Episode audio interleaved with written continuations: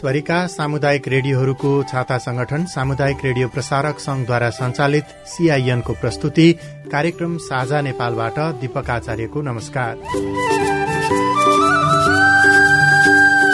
कार्यक्रम साझा नेपालको आजको भागमा हामी राज्यले कृषिलाई प्राथमिकता कम दिँदाखेरि दैनिक उपभोग्य वस्तुमा परनिर्भरता बढ्दै गइरहेको छ र हामी खेती किसानी छोड्दै गइरहेका छौं। बेलैमा कृषिका लागि विशेष कार्यक्रम ल्याएर बढ्दो आर्थिक मन्दीको प्रभावलाई कम गर्ने एकमात्र अवसर राज्यसँग छ। यो अवस्थामा कृषिलाई प्राथमिकता दिएर अगाडि बढ्न राज्यले के के गर्नुपर्दछ नीतिगत व्यवस्थाहरू के के हुनुपर्दछ र आम नागरिकले कृषिलाई कसरी जीवनसँग जोडेर अगाडि बढ्नुपर्छ भन्ने बारेमा आज हामी छलफल गर्न गइरहेका छौं। आजको छलफलमा सहभागी हुन हाम्रो स्टुडियोमा हुनुहुन्छ खाद्यका लागि कृषि अभियानका संयोजक एवं राष्ट्रिय कृषक समूह महासंघ नेपालका संस्थापक अध्यक्ष उद्धव अधिकारी। यहाँलाई स्वागत छ हाम्रो कार्यक्रम साझा नेपालमा। धन्यवाद छ नमस्कार। पछिल्लो समय खाद्यान्नका लागि आयात बढ्दो छ निर्यात एकदमै घटेको अवस्था छ र परनिर्भरता बढेको छ र आर्थिक भार खानाकै लागि दैनिक उपभोग्य वस्तुकै लागि आर्थिक भार चाहिँ बढ्दो छ। र यो अवस्थामा हामीले कसरी अगाडि बढ्नुपर्छ र अब कृषिको विकासको लागि कृषिको क्रान्तिको लागि के गर्नुपर्छ? धेरै धन्यवाद। अब यो विषय चाहिँ निकै जटिल विषय हो कि तर राज्यले चाहिँ यसलाई त्यति जटिल रूपमा लिएको देखिँदैन एकदम हल्का रूपमा लिएको देखिन्छ। यसमा अब आम किसानले के गर्ने आम समुदायले के गर्ने राज्यका तहहरूले के गर्ने भन्ने प्रश्न चाहिँ एक खालको जग जाहेर छ कि किसानले आफ्नो धर्म निर्वाह गरिरहेकै छ। अनि अब खालि समुदायले चाहिँ एउटा के भने किसानलाई सम्मानजनक दृष्टिकोणले हेरिदिनु पर्ने छ होइन? उसलाई चाहिँ खेतीपाती गर्ने भनेपछि अलिकति हेयको दृष्टिकोणले हेर्ने खालको हाम्रो जुन खालको सामाजिक बनोट छ समाजले चाहिँ अलिकति किसानलाई इम्पावरमेन्ट कसरी गर्न सकिन्छ तपाईँले गरेको काम ठिक छ। तपाईँले खेती नगर्दाखेरि हामी भोकै रहन्छौँ है? भन्ने खालको एउटा मेसेज मात्रै समुदायबाट जाने हो भने पनि मान्छेहरूले एउटा उच्च मनोबलका साथ खेतीपातीमा लाग्छन् समुदायको भूमिका त्यो रहन्छ भने। विशेष गरेर तीन तहका मध्ये सबैभन्दा बढी दायित्व चाहिँ मैले अहिले यतिखेर स्थानीय सरकारको देखिराखेका छु। कि किनभने किसानहरू प्रत्यक्ष रूपमा किसानले देख्ने भेट्ने छुन सक्ने सरकार भनेको स्थानीय तहमै छ। त्यो स्थानीय तहमा भएको सरकारले अलिकति कृषिका योजनाहरूलाई अलिक प्राथमिकता दिएर जानुपर्नेमा एकाध पालिकाहरू बाहेक अहिले धेरै पालिकाहरूको प्राथमिकतामा चाहिँ कृषि फेरि पनि छैन।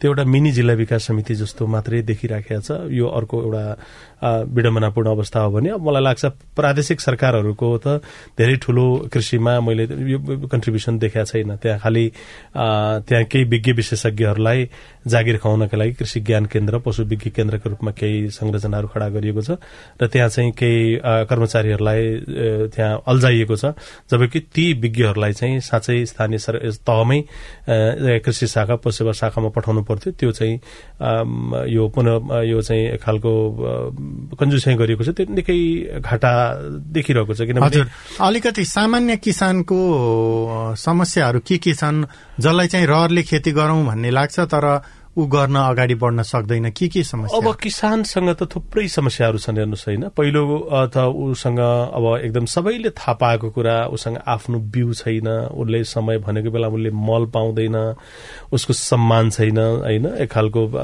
भविष्य सुनिश्चित छैन। ऊ धेरै खालका समस्याहरूसँग जेलिरहेको छ। र त्यो सँगसँगै पनि अहिले पछाडि पछिल्लो चरणमा यो विभिन्न रोग किराहरूका प्रकोपहरूका कारणले गर्दा जुन जलवायु परिवर्तनले सिर्जित विविध खालका समस्याहरूको कारणले गर्दाखेरि पनि किसानहरू चाहिँ एकदमै एकपछि अर्को समस्यामा गाँजिँदै गएका छन्। कहिले बिउ नपाउने कहिले मल नपाउने कहिले रोपेका धानमा गेडा नलाग्ने कहिले खोरका कुखुरामा चाहिँ बर्ड फ्लू लागेर चाहिँ मार्नुपर्ने कहिले आफूसँग भएका गोठखोरमा भएका दूधहरू चाहिँ कोलिफार्म लगायतका विविध वाहनामा चाहिँ घप्ट्याउनु पर्ने पोख्नु पर्ने बजारले कहिले किसानलाई राम्रो रेस्पोन्स गरेन कि फल्यो कि फाल्नु पर्ने जो अवस्था छ। भनेपछि किसानसँग त थुप्रै खालका समस्या छन् र पनि उसले आफ्नो त्यसलाई त्यो कर्मलाई चाहिँ धर्म सम्झेर खेतीपातीमा संलग्न छ त्यो साना किसानहरू विशेष गरेर। र नै अहिले हाम्रो चाहिँ नै भन्नुहोस् न जस्तो सुकै विषम परिस्थितिमा पनि देश चलिराखेका छ। कम्तीमा पनि एकदमै भोकमरीका कारणले गर्दा मान्छेहरू ठूलो संख्यामा चाहिँ मृत्युवरण गर्नु परेको समाचारहरू हामीले सुन्न पाएका छैनौं। त्यो चाहिँ के भने तिनी साना सीमान्त किसानहरू जसले क्यालकुलेटर नहानिकन त्यसलाई चाहिँ कृषिलाई नाफाको क्षेत्र भन्दा पनि त्यसलाई एउटा धर्मसँग जोडेर आफ्नो कर्मसँग जोडेर चाहिँ किसानले जसरी काम गरिरहेको छ त्यसले नै किसानलाई अहिले थेगिरहेको छ। किसानका समस्याहरूका त अनगिन्ती समस्याहरू छन्। किसानसँग किसानलाई सरकारले थेग्ने त्यसलाई हेला गर्ने पनि त्यही किसान हो प्रकृतिले हेला गर्ने पनि त्यही किसान हो व्यापारीले हेला गर्ने पनि त्यही किसान हो होइन? इष्टमित्र नरनाथ समाजले हेला गर्ने पनि त्यही किसान। हो तर फेरि त्यही मेरुदण्ड कै रूपमा यो देश समेतलाई त्यसले धानिरहेको छ र त्यही किसानलाई चाहिँ सबै क्षेत्रले पर्गेलेको अवस्था चाहिँ छ। हजुर अब किसानहरूलाई चाहिँ कृषि प्रति आकर्षित गर्नको लागि र यो चाहिँ घाटाको पेसा होइन यो पनि राम्रो पेसा हो भन्नको लागि चाहिँ के के व्यवस्थाहरू गर्नु पर्यो?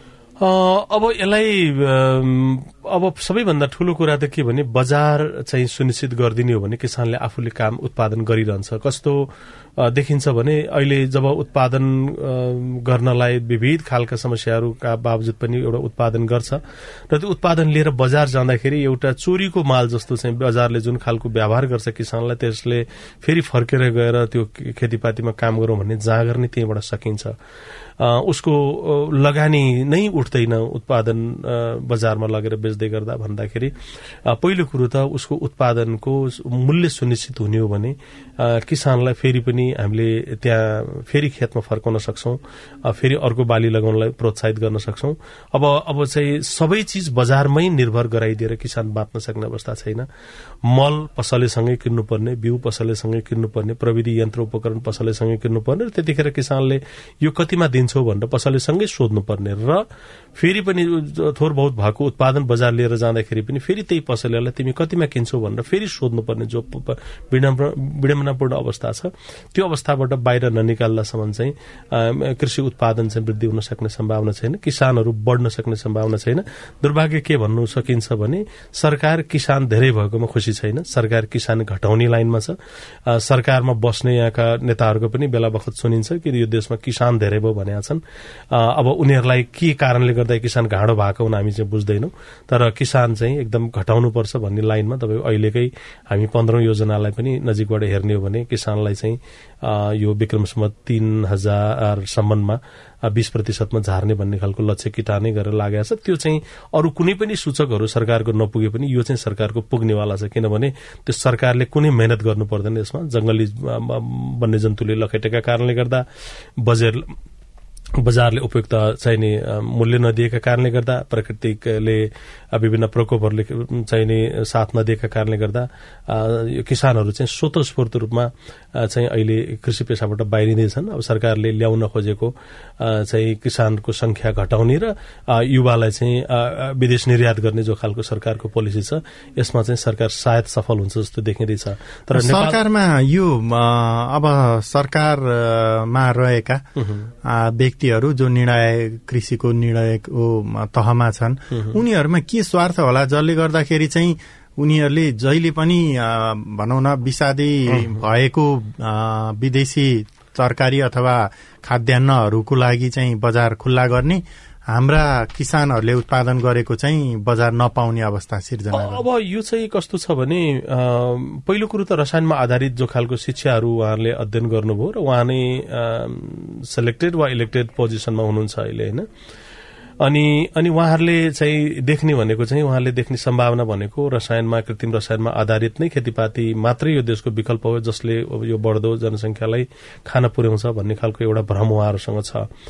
र एकातिरबाट त्यसलाई जस्तो सुकै बिख भए पनि अहिले भर्खरकै हामीले समाचार सुन्यौँ। भारतबाट जुन हिसाबले हामीले चाहिँ बिख जन्य चाहिँ उत्पादनहरू पनि सहज रूपमा नेपालीका भान्सामा पुर्याउनका लागि सरकार स्वयंले जुन खालको सहजीकरण गरेको हामीले देखिरह्यौँ र सरकार उत्पादनमै पनि जस्तो यो आज मात्रै होइन दुई हजार तेह्रदेखिकै सरकारको यो खालको कन्सेप्ट हो। र अहिले पछिल्ला विभिन्न चाहिने आवधिक योजनाहरूलाई हेर्ने हो भने र सरकारका नीति कार्यक्रमहरूलाई हेर्ने हो भने सरकार फेरि पनि एकदम के भन्छ कसरी ठूलो फलाउन सकिन्छ कसरी धेरै धेरै फलाउन सकिन्छ कसरी उत्पादन वृद्धि गर्न सकिन्छ भन्नेतिरै बढी बरालिरहेको देखिन्छ। तर फेरि यो कुरा उसले किन चाहिँ नदेखे चाहिँ गरेर नजरअन्दाज गरिरहेको छ भन्दाखेरि फेरि पनि कृषि प्रधान मुलुकमा उत्पादनका सामग्री त कुरै छोडिदिउँ। उत्पादित वस्तुहरू उत्पादित कृषि उपजहरू मात्रै हामी चाहिँ लगभग चार खरब जतिको कृषिजन्य उपजहरू हामी बाहिरबाट आयात गरेर खाइरहेका छौं। भनेपछि यति हुँदा पनि किन चेत फर्किराखेका छन् नीति निर्माताहरूको भन्ने प्रश्न चाहिँ बडो जटिल प्रश्न हो। कि हामीले कहिलेसम्म त्यो रसायनको मात्रा चाहिने माटोमा एकपछि मात्रा थपेर हामीले उत्पादन वृद्धि गर्न सक्छौँ कति कहिलेसम्म थेग्न सक्छ? जबकि माटो आफैमा चाहिँ नि एक खालको सजीव वस्तु हो होइन? त्यहाँभित्र चाहिँ अरबौं सूक्ष्म जीवाणुहरू छन् र तिनै सूक्ष्म जीवाणुहरूलाई हामीले जीवित नराख्ने भने हामीले चाहे रसायन माध्यमबाट होस् चाहे चाहिने प्राङ्गारिक माध्यमबाट होस् दिएका मलहरू चाहिँ त्यो बोटसम्म प्रसारण गर्न सक्छ सक्दैनन्। त्यो चाहिँ एक खालको त्यसलाई ती ती सूक्ष्म जीवाणुहरूलाई कसरी बचाउने भन्नेबाट चाहिँ हामीले जब हेर्दैनौँ जब माटोलाई कसरी जीवित राख्ने भनेरबाट हेर्दैनौँ र खालि जबरजस्त रूपमा कृत्रिम रसायनहरू मार्फत कसरी उत्पादन वृद्धि गर्न सकिन्छ भन्नेमा मात्रै राज्यका नीति निर्माताहरू लाग्नुमा चाहिँ अब सायद उहाँहरूको अब कतै लेनदेनको स्वार्थ हुन सक्छ अथवा उहाँहरूको उहाँहरूले लिएको शिक्षाको दोष हुन सक्छ होइन आम नेपाली किसानहरूले चाहिँ के भन्दैछन् भने यो रसायनमा आधारित खेतीपाती चाहिँ हाम्रो लागि धेरै उपयुक्त छैन भन्ने कुरै चाहिँ नि आम किसानहरूले भन्दै आइरहेका छन्। आज हेर्नुहोस् अब त्यो कुरा चाहिँ कहिले चेत फर्किन्छ? आज हामीले हेर्दा हेर्दै हाम्रा हातबाट बिउहरू गुमिसकेको अवस्था छ। नब्बे पन्चानब्बे प्रतिशत तरकारीका बिउहरू अहिले नेपाली किसानका हातमा छैनन्। बिउ भनेपछि मान्छेको दिमागमा सिधै एग्रोभेट जोडिन थाल्छ एग्रोभेटमा जोडिने भनेको फेरि पनि हाम्रा यहाँ अनुसन्धान केन्द्रहरूले अनुसन्धान गरेका बिउहरू भन्दा पनि बाह्य मुलुकहरूबाट आएका महँगो मूल्यतिर ल्याएका नपुंसक बिउहरू हुन् जसले पुनरुत्पादन गर्दैनन्। त्यस्ता खालका बिउहरूमा हामी नजानिदो तरिकाले हामी भाँसिँदै गइसकेका छौँ। हामीले हेर्दा हेर्दै तरकारीका बिउहरू राख्ने आफ्नै खालको पद्धति प्रणालीहरू थियो खाद्यान्नका बिउहरू राख्ने आफ्नै खालको पद्धति प्रणालीहरू थियो त्यो सबै लोप भएर गइसकेका छन्। र कालान्तरमा लगेर हामीलाई फेरि पनि ती बहुराष्ट्रिय निगमहरूको एउटा भन्नुहोस् न खेतालाको रूपमा मात्रै आम किसानहरूलाई चाहिँ उभ्याउने जुन खालको प्रयत्न राज्य स्वयंबाट भएको छ त्यो चाहिँ निकै दुःख लाग्दो कुरा हो। अहिले पनि अनुसन्धान केन्द्रमा अहिले अहिले ठिक्क हामी यता अब धान मकैको सिजनहरू सुरु हुन लाग्छ मकैहरू भनौँ न अब यो कम्पोजिट टाइपका चाहिँ उन्नत जातका बिउहरू जो सरकार आफैले अनुसन्धान केन्द्रले निकालेका बिउहरू किसान तहमा पुग्ने कुनै मेकानिजम छैन। अहिले फेरि पनि तिनी विदेशी बिउहरू चाहिँ सहज रूपमा ती एग्रोभेटहरूमा पुगिराखेका छन् र किसानहरूको रोजाइ पनि त्यतैतिर बढी केन्द्रित छ। किनभने धेरै फल्छ भने चाहिँ किसानले लोभ गर्नु स्वाभाविक हो त्यसले दीर्घकालीन रूपमा कति असर पर्छ भनेर त्यो किसानले त्यहाँ अम्लो भातमा पनि उसले चाहिँ उसको योग्यता क्षमताले भ्याउँदैन। एउटा कुरा दोस्रो कुरा उसलाई त्यहाँ धेरै फलाएर बालबच्चा पाल्नु पनि छ उसको बाध्यता पनि छ। मलकै कुरा गर्नुहुन्छ भने अहिले यो चालु आर्थिक वर्षमै पनि पन्ध्र अरब जति सरकारले छुट्याएको थियो त्यसपछि तुरुन्तै साउनतिर फेरि अर्को थप सोह्र अरब जति थप्यो। र अहिले फेरि तत्काल चाहिँ यो सात अरब जति थपेर लगभग अडतिस अरब जति चाहिँ सरकारले मललाई छुट्याएको छ। त्यो अडतिस अरबले पनि अब चाहिँ मल पुग्नेवाला छैन। त्यसले चाहिँ लगभग चार लाख उन्नाइस हजार मेट्रिक टन जति मात्रै मल आउँछ भनेर भनिरहेको अवस्था छ।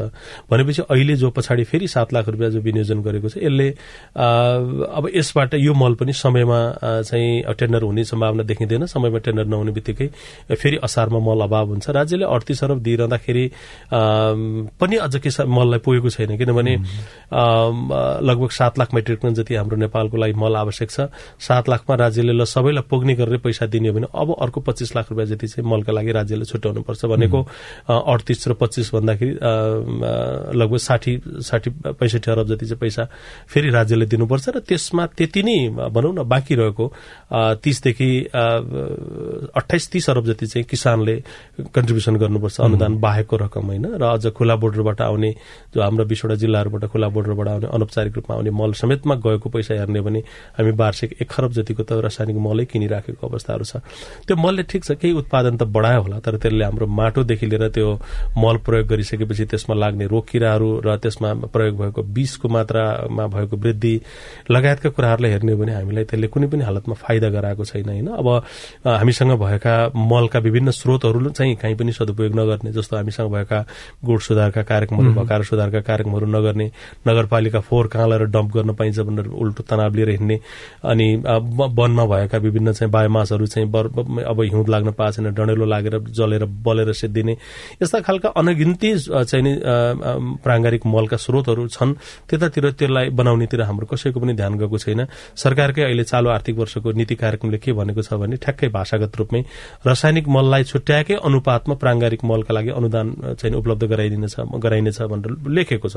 तर अहिले अडतिस अरब रासायनिक मलको लागि बजेट विनियोजन गरिरहँदा पनि त्यहाँ चाहिँ फेरि पनि पाँच लाख रुपियाँलाई अर्ग्यानिकका लागि भनेर छुट्याउन सकेको देखिँदैन होइन?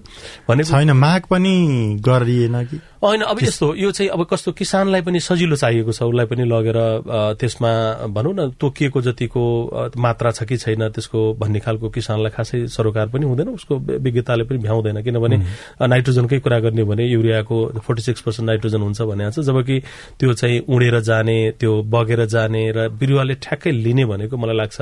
मुस्किलले चाहिँ बिस तिस पर्सेन्टभन्दा बढी लिन सक्दैन। त्यत्रो ठूलो विदेशी मुद्रातिर ल्याएको मल हामीले चाहिँ यसरी बगाइराखेका छौँ कि जसले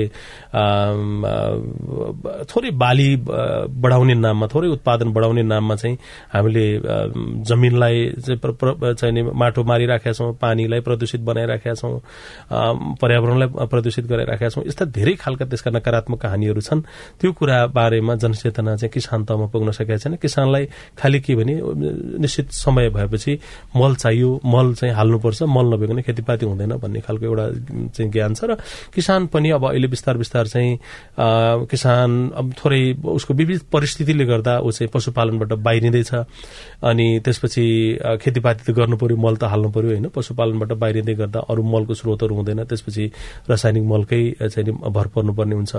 अनि अब त्यो हिसाबबाट जुन खालको कृषिको हिजोको चाहिँ इको सिस्टम थियो चेन थियो होइन गोठमा पशुवस्तुहरू हुन्थे तिनीहरूले मल दिन्थे त्यसले खेतबारीलाई पौष्टिकता दिन्थ्यो तिनीहरूले दही दुध दिन्थे त्यसले मान्छेलाई होइन पोषण दिन्थ्यो। यस्ता खालका एउटा चेनहरू थियो त्यो सँगसँगै विभिन्न संस्कृतिहरू चाडबाडहरू विभिन्न पर्वहरूलाई सँगसँगै लिएर जान सकिन्थ्यो। ती सबै भत्किएको अवस्था छ र अब अहिले चाहिँ मान्छे सजिलरी कहाँबाट मल पाइन्छ त्यसको जतिसुकै मूल्य परोस् अहिले लगभग हामीले प्राप्त गरेको युरियाकै कुरा गर्ने चाहिँ मलाई लाग्छ सत्तरीदेखि अस्सी प्रतिशत समेत राज्यले अनुदान दिएको छ। यदि अनुदान नदिएको भोलिपल्ट चाहिँ त्यो किसानले मल किनेर खेतमा हाल्नै सक्दैन होइन? अहिले म अस्ति पाँच खालको किसानसँग कुरा गर्दै थिएँ। उहाँले एक रोपनीमा सबै चाहिँ नि यो के भन्छ युरिया पचास किलो अनि डिएपी पचास पच्चिस किलो र चाहिँ त्यो अर्को चिनी मल भन्छ त्यो चाहिँ पच्चिस किलो गरेर जम्मा जम्मी सय किलो जति उहाँहरूले एक रोपनीमा एउटा बालीको लागि आलुको लागि चाहिँ प्रयोग गर्नुहुँदो रहेछ। भनेपछि त्यत्रो ठूलो अनुपातमा जसरी हामीले माटोमा मल प्रयोग गरिरहेका छौँ यदि सरकारले अनुदान नदिने हो भने त्यो स्वत घाटामा जान्छ एउटा कुरा। दोस्रो कुरा भोलि चाहिँ त्यसले कति त्यस बापतको लिनुपर्ने प्रतिफल हामीले उचित लिन सक्यौँ कि सकेनौँ त्यसबाट फलेको उत्पादित वस्तु फेरि पनि सड़कमा ल्याएर फाल्नुपर्ने जो खालको जोखिम छँदैछ होइन? यी सबै कुराहरू हेर्दाखेरि त्यसले माटोमा बिगारेको पर्यावरणमा बिगारेका कुराहरू झन् धेरै छन् भनेपछि यस्ता विकल्पहरूतिर अब चाहिँ जानुपर्छ। अब अब पनि नगोत्लिने हो भने जुन हिसाबले हामी जलवायु परिवर्तनको एउटा मारमा छौं हामीले चाहिँ यो माटोलाई बचाउनु पर्ने जो खालको बाध्यात्मक अवस्था छ हरेक मान्छेहरू रोगी हुन थालेका छन् कोही मान्छे चाहिँ रोग नभएको मान्छे त्यो पनि दीर्घ रोग नसर्ने खालका रोगहरूले अहिले चाहिँ हरेक मान्छेहरूलाई गाजिरहेको अवस्थाहरू छ।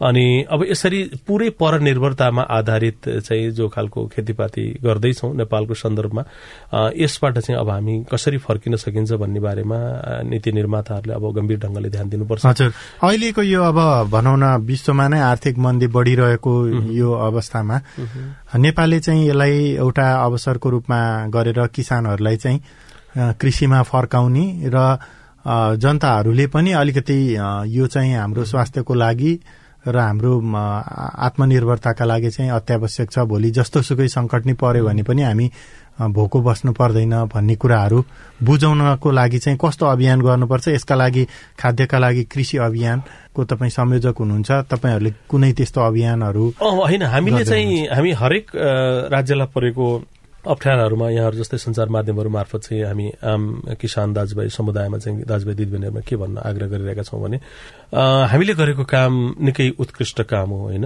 यो चाहिँ के भन्छ कृषि मूल जीवन भन्छ। यो जीवनको मूल आधार नै कृषि हो।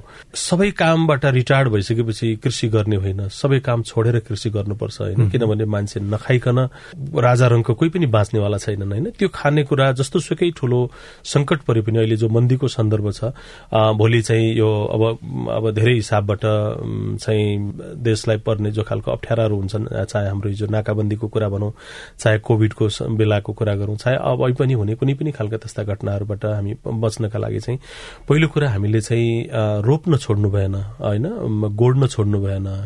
अनि त्यसपछि रोपेर गोडिसकेपछि त्यो फलाउने फुलाउने काम चाहिँ प्रकृतिको हो। त्यसले पक्कै पनि प्रकृतिले त्यो आफ्नो धर्म निर्वाह गर्छ। हामीले अहिले चाहिँ यो खालि बजारमा पाइहालिन्छ मसँग पैसा छ भोलि त्यस्तै केही पर्दैन भन्ने हिसाबबाट हामी जसरी सिधै बजारमा आश्रित छौं। भोलिका दिनमा चाहिँ त्यो त्यो अवस्था नरहन सक्छ। कि हामीले भोलि पैसा खल्तीमा हुँदाखेरि पनि मान्छे भोगभोकै मरेको हामीले कोभिड थाका देख्यौं विभिन्न सामाजिक सञ्जालहरूमा। त्यसैले जस्तो सुकै मन्दीलाई पनि चाहिने भरि पेटले फेस गर्नका लागि किसानहरूले चाहिँ उच्च मनोबलका साथ खेतीपाती गर्नुपर्छ। र किसान मात्रै होइन। सबै सम्भावना भएका आम नागरिकहरूले चाहिँ उत्पादनमा चाहिँ जोड़ दिनु जरुरी छ। त्योसँग एक कट्ठा छ भने एक कट्ठामा गर्नु पर्यो एक आना छ भने एक आनामा गर्नु पर्यो। बिघौं जमिन छ भने बिघौं जमिन छमा गर्नु पर्यो। छैन भने कम्तीमा छतमा भए पनि गमलामा भए पनि रोप्नु पर्यो। अब ठिक्क यो चाहिँ अब अहिले यो रोप्ने सिजन पनि शुरू भएको छ। लहरे बालीहरू लगायतका चिजहरू प्रकृतिले हामीलाई खालको अवसर समय दिएको छ। हामीलाई संस्कृतिहरूले पनि त्यसमा श्रीपञ्चमीदेखि लिएर यो चाहिँ के भन्छ शिवरात्रिदेखि लिएर होइन हामीले चाहिँ अहिले रोप्ने समयको जुन खालको हाम्रा कल्चरहरू छन् त्यसले पनि हामीलाई झकझकाइरहेको छ त्यसलाई भुल्नु भएन र त्यसलाई आधार बनाएर हामीले जहाँ जति टुक्रा छ करिसाबारीमा थोरै जमिन छ भने पनि त्यहाँ केही न केही रोप्नु पर्यो। रोपिसकेपछि स्वाभाविक रूपमा त्यसले प्रकृतिलाई फलाउन कर लाग्छ।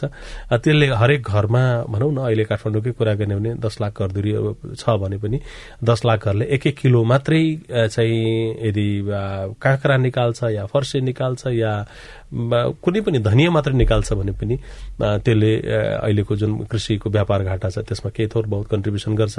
त्यसले थोर बहुत चाहिँ उहाँहरूको स्वास्थ्यमा जुन भान्सा मार्फत छिरिरहेको शरीरमा छिरिरहेको विषको मात्रालाई कम गर्छ होइन? त्यसले काहीँ न काहीँ अर्थतन्त्रमा टेवा पुर्याउँछ। यही थोपा थोपा मिलेर समुद्र बनियो। त्यसैले जसले जहाँ जति चाहिँ नि सम्भावना छ त्यहाँ उत्पादन गर्नु पर्यो। र उत्पादनका हिसाबले चाहिँ विशेष गरेर यो चाहिँ आम जनसमुदायका लागि भयो। अब राज्यलाई चाहिँ भन्नु पर्दाखेरि त अब धेरै कुरा सच्याउन जरुरी छ। उसले गर्न चाहने हो भने अहिले भएकै नीतिहरूमा टेकेर धेरै कुराहरू गर्न सक्छ।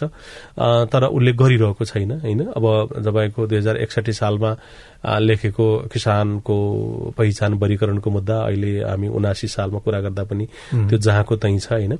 नीतिमा त जति पनि लेखा छ कि खेती लाउनुभन्दा अगाडि चाहिँ समर्थन मूल्य तोकिनुपर्छ भन्ने कुरा छ। यहाँ चाहिँ किसानले धान काटेर बेचिसकेपछि सरकार तोक्रो लिएर पुग्छ होइन? अनि अब अब खेती लगाउनुभन्दा अगाडि मलको स्टक राख्नुपर्छ भन्ने खालका कुराहरू पनि सरकार आफैले नीतिमा लेखेका छ। जबकि त्यो किसानले त्यो बाली भित्राइसक्दाखेरि पनि उसले मल कस्तो देख्न पाउँदैन होइन? सरकारले आफूले लेखेकै नीतिहरूको राम्रोसँग कार्यान्वयन गर्ने हो भने पनि नेपालको कृषिलाई सही ट्र्याकमा हिँडाउनलाई धेरै गाह्रो चाहिँ छैन। हजुर यो कृषिका लागि भनेर जति पनि छुट्याइएको छ होइन? सहुलियतहरू किसानहरूलाई अनुदानको कुरा। त्यो वास्तविक किसानले पाएका छन्? एकदमै। अब यो चाहिँ अर्को प्रश्न हो कि यो यो अनुदान दिनेलाई पनि थाहा छ कि यो मैले दिएको चिज सही ठाउँमा परेको छैन भन्ने खालको कुरो। तर दुर्भाग्य के छ भने उनीहरू त्यो नियमन गर्ने निकायहरू चाहिँ सक्रिय छैनन् होइन? सायद उहाँहरूको के स्वार्थ छ हामी बुझ्दैनौँ। सबैले भन्छन् यो तपाईँको एउटा सामान्य किसानदेखि लिएर संसदसम्ममा उठेको विषय हो र हरेक मिडियाहरूले यहाँहरूले पटक पटक चाहिँ तथ्य प्रमाणसहित बोलिराख्नु भएको घटनाक्रमहरू हुँदाखेरि पनि आजसम्म कृषिमा दिएको अनुदान दुरूपयोग गरेका कारणले गर्दा एउटा कुनै पात्र कारवाहीमा परेको हामीले सुन्न पाउँदैनौँ। यो बडो दुर्भाग्यपूर्ण कुरा हो होइन? यसले गर्दाखेरि चाहिँ अहिले यो अनुदान अनुदानको जुन खालको प्याटर्न छ कि किसान भन्दा पनि अहिले कम्पनी खोजेर हिँड्ने सरकारको जुन खालको पोलिसी छ यसले चाहिँ निकै ठूलो किसानलाई चाहिँ त्यहाँनिर छलेको छ। किसानलाई फेरि नजरअन्दाज गरेको छ किसानको मनोबल फेरि घटाएको छ। म किसान हो भनेर चाहिँ उसले कहीँ कुनै कार्यालयमा गएर उसले एक पोका मिनिकिट पाउन सक्ने थोरै अनुदान पाउन सक्ने अवस्था छैन होइन? पचास रुपियाँको एउटा केही चिज अनुदान पाउन सक्ने अवस्था छैन कि तिमी कम्पनीमा दर्ता गरेर आऊ भनेको छ होइन? हिजो त एउटा होइन कृषि नीतिकै कुरा गर्ने हो भने कृषिको कृषक समूह र सहकारी मार्फत कृषि प्रसारको काम गर्ने भनेर सरकार आफ्नै नीतिमा मौजुदा नीतिमा लेखिएको कुरा पनि अब आज सहकारीहरू पैसा किनबेच गर्नतिर बढी तल्लिन्छन् भने समूहहरूको अस्तित्व पनि बचाउन निकै मुस्किल छ। त्यसमा सरकारहरू लागेको देखिँदैन। सरकारले विशेष गरी कृषि विकासका लागि बनाएको तिनवटा खम्बा शिक्षा ले तपाईँको प्राकृतिक कृषिलाई पूर्ण रूपमा भुलेको छ। अनुसन्धानले लगभग त्यो किसान तहमा पुग्ने गरेर कहिले अनुसन्धान गर्नै सकेन। प्रसारले त त्यहाँ चाहिँ जुन खालको त्यो अनुसन्धान र किसानको बीचमा जुन खालको पुलको काम गर्नुपर्ने थियो प्रसार त पुरै अहिले चाहिँ कोल्याप्स जस्तै छ उसको कुनै औचित्य छैन। यी संरचनाहरू यी बेकामी संरचनाहरू राखिराख्नुभन्दा त बरु यिनलाई वैकल्पिक अन्य क्षेत्रतिर लगाइदिँदा हुन्छ जस्तो लाग्छ। यिनको कुनै औचित्य देखिँदैन। अब सरकारका सबै संरचनाहरू कृषिको विकास गर्न भनेको खडा गरिएका संरचनाहरू नै त्यसको औचित्यमाथि नै यति ठूलो प्रश्न उठिसक्दाखेरि पनि अब त्यहाँ फेरि पनि ती संरचनाहरू जीवित छन्।